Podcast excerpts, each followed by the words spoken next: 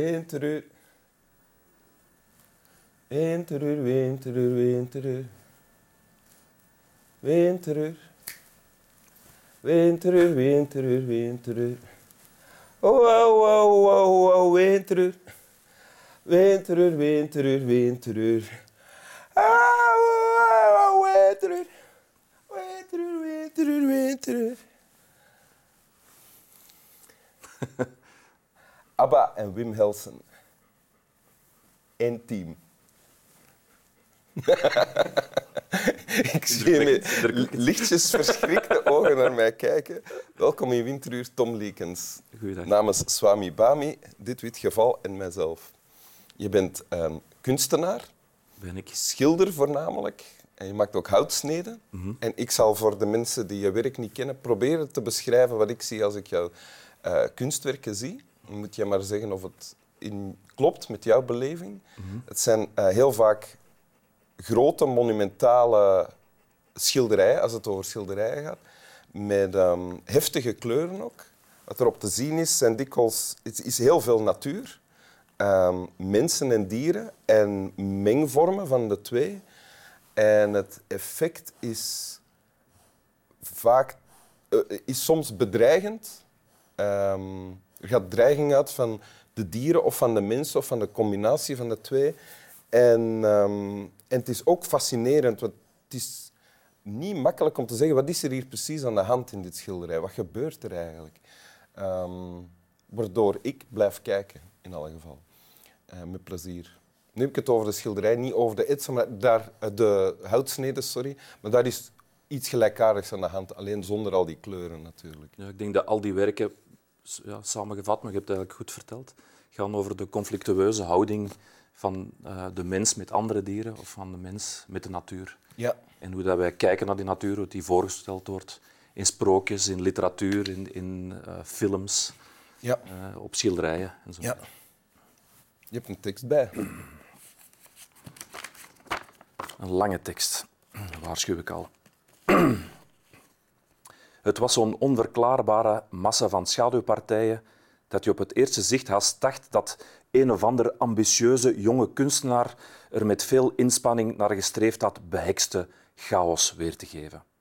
Maar door veelvuldige en ernstige beschouwing en vaak herhaalde bepeinzingen, en vooral door het kleine raam achter in het portaal open te gooien, kwam je tenslotte tot de conclusie dat een dergelijk vermoeden, hoe roekeloos ook, niet geheel en al ongerechtvaardigd was.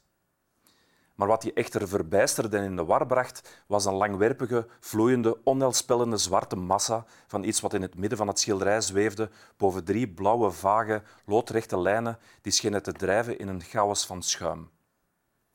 Een drassig, drabbig, kliederig schilderij dat moest gezegd genoeg om een zenuwachtig mens gek te maken. Niettemin had het ook iets van een ondefinieerbare, onvoorstelbare verfijning, totdat je onwillekeurig zwoer erachter te zullen komen wat dat wonderbaarlijke schilderij voorstelde. Telkens weer schoot je een heldere, maar helaas bedriegelijke gedachte te binnen. Het is de Zwarte Zee bij middernachtelijke storm. Het is de bovennatuurlijke strijd tussen de vier oerelementen. Het is een verzengend heideveld. Het is een winterlandschap in het uiterste noorden. Het is het kruien van de ijsrivier van de tijd. Maar tenslotte moesten al deze fantasieën het afleggen tegen dat ene onheilspellende iets in het midden van het schilderij. Als dat eenmaal bekend was, was de rest duidelijk. Maar, stil eens even, heeft het niet een vage gelijkenis met een gigantische vis, zelfs met de grote Leviathan zelf? Dus we zitten naar een schilderij te kijken. Iemand kijkt naar een schilderij en beschrijft wat hij ziet. Ja, Wat hij ontdekt eigenlijk. Ja, en we ontdekken eigenlijk samen met die kijker, dus die wandelt in eh, een herberg, eh, herberg De Walvis.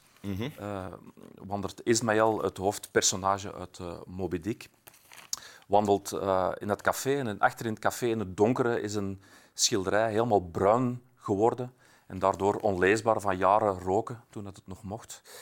Eh, en, hij probeert, ja, en hij probeert te ontcijferen, te achterhalen wat hij precies eh, ziet. En de conclusie, leven ze dan verder, of kijken we op de cover, is een, een uh, potvis die uit het water springt uh, over een, een gestrand schip dat dreigt te, te, vergaan en zich spiest op de masten van het schip. Ja. Dat, die dramatische gebeurtenis heeft die schilder vereeuwigd en ja, dat probeert hij te ontcijferen. En het komt uit Moby Dick, zei je al. Mm -hmm. en, en eigenlijk wordt hier het hele verhaal ook al bijna samengevat, toch? Ja, terwijl het in, in hoofdstuk 3 is en er zijn 135 uh, hoofdstukken. Ja. Maar hoewel dat soms wel wordt, wordt verkocht als een avonturenroman, is echt de jacht op de walvis maar slechts drie hoofdstukken van de 135. Dus als je uh, verwacht om een soort jongensachtige avonturenroman te lezen, ben je er wel aan voor de moeite. Want het is wel... Je voelt al dat dat een heel barok, een Shakespeareaanse uh, taal is.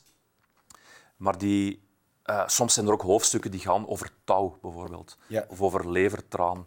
Of over hoe precies die masten knopen. Dus soms echt heel technisch, bijna encyclopedische informatie over de walvisvaart. Ja. Maar dit, het fragment dat jij nu hebt gekozen, is eigenlijk wel spannend. Hè? Iemand zit is gefascineerd door een schilderij dat door de rook en de omgeving moeilijk te zien is, maar het fascineert hem wel. En er staat eigenlijk ook al in wat er te gebeuren staat. Of dat er, er zit een element dreiging in. Ook, Het eindigt met zelfs de grote Leviathan zelf. Ja, de Leviathan is een bijbels uh, zeemonster uh, uit, uit, de oertijd. En in, in doorheen dat boek uh, ver, vermeldt hij vaak Leviathan. Mm -hmm. Dus die omschrijft als een soort monster. Die, die Moby Dick is ook een soort metafoor. Hè. Dus het, het noodlot van de mens.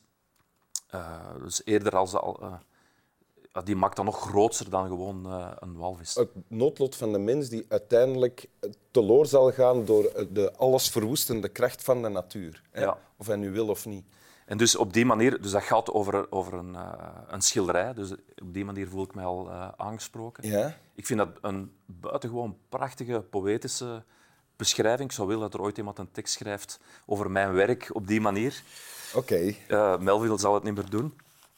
Maar dan, uh, maar ook, ook qua thematiek. Ik heb zelf een gestrande potvis geschilderd. Ik heb dat boek gelezen toen ik uitgenodigd was door de Universiteit van Antwerpen om mee te gaan op een wetenschappelijke expeditie naar Spitsbergen, ja. een Noordpoolgebied, te midden van het noordelijkste punt van Noorwegen. Een echte Noordpool. We hebben elf eilanden en naar één onbewoond eiland uh, hebben wij veertien dagen verbleven. Dat heet Dodemans eiland. En dat heet zo omdat er graven van walvisvaders zijn op dat eiland. Je hebt daar Moby Dick gelezen? Ja, we hadden er veel tijd. Het was er ook 24 uur licht.